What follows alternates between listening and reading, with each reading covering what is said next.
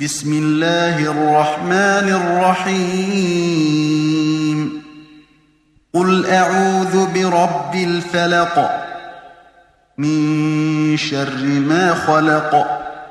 ومن شر غاسق إذا وقب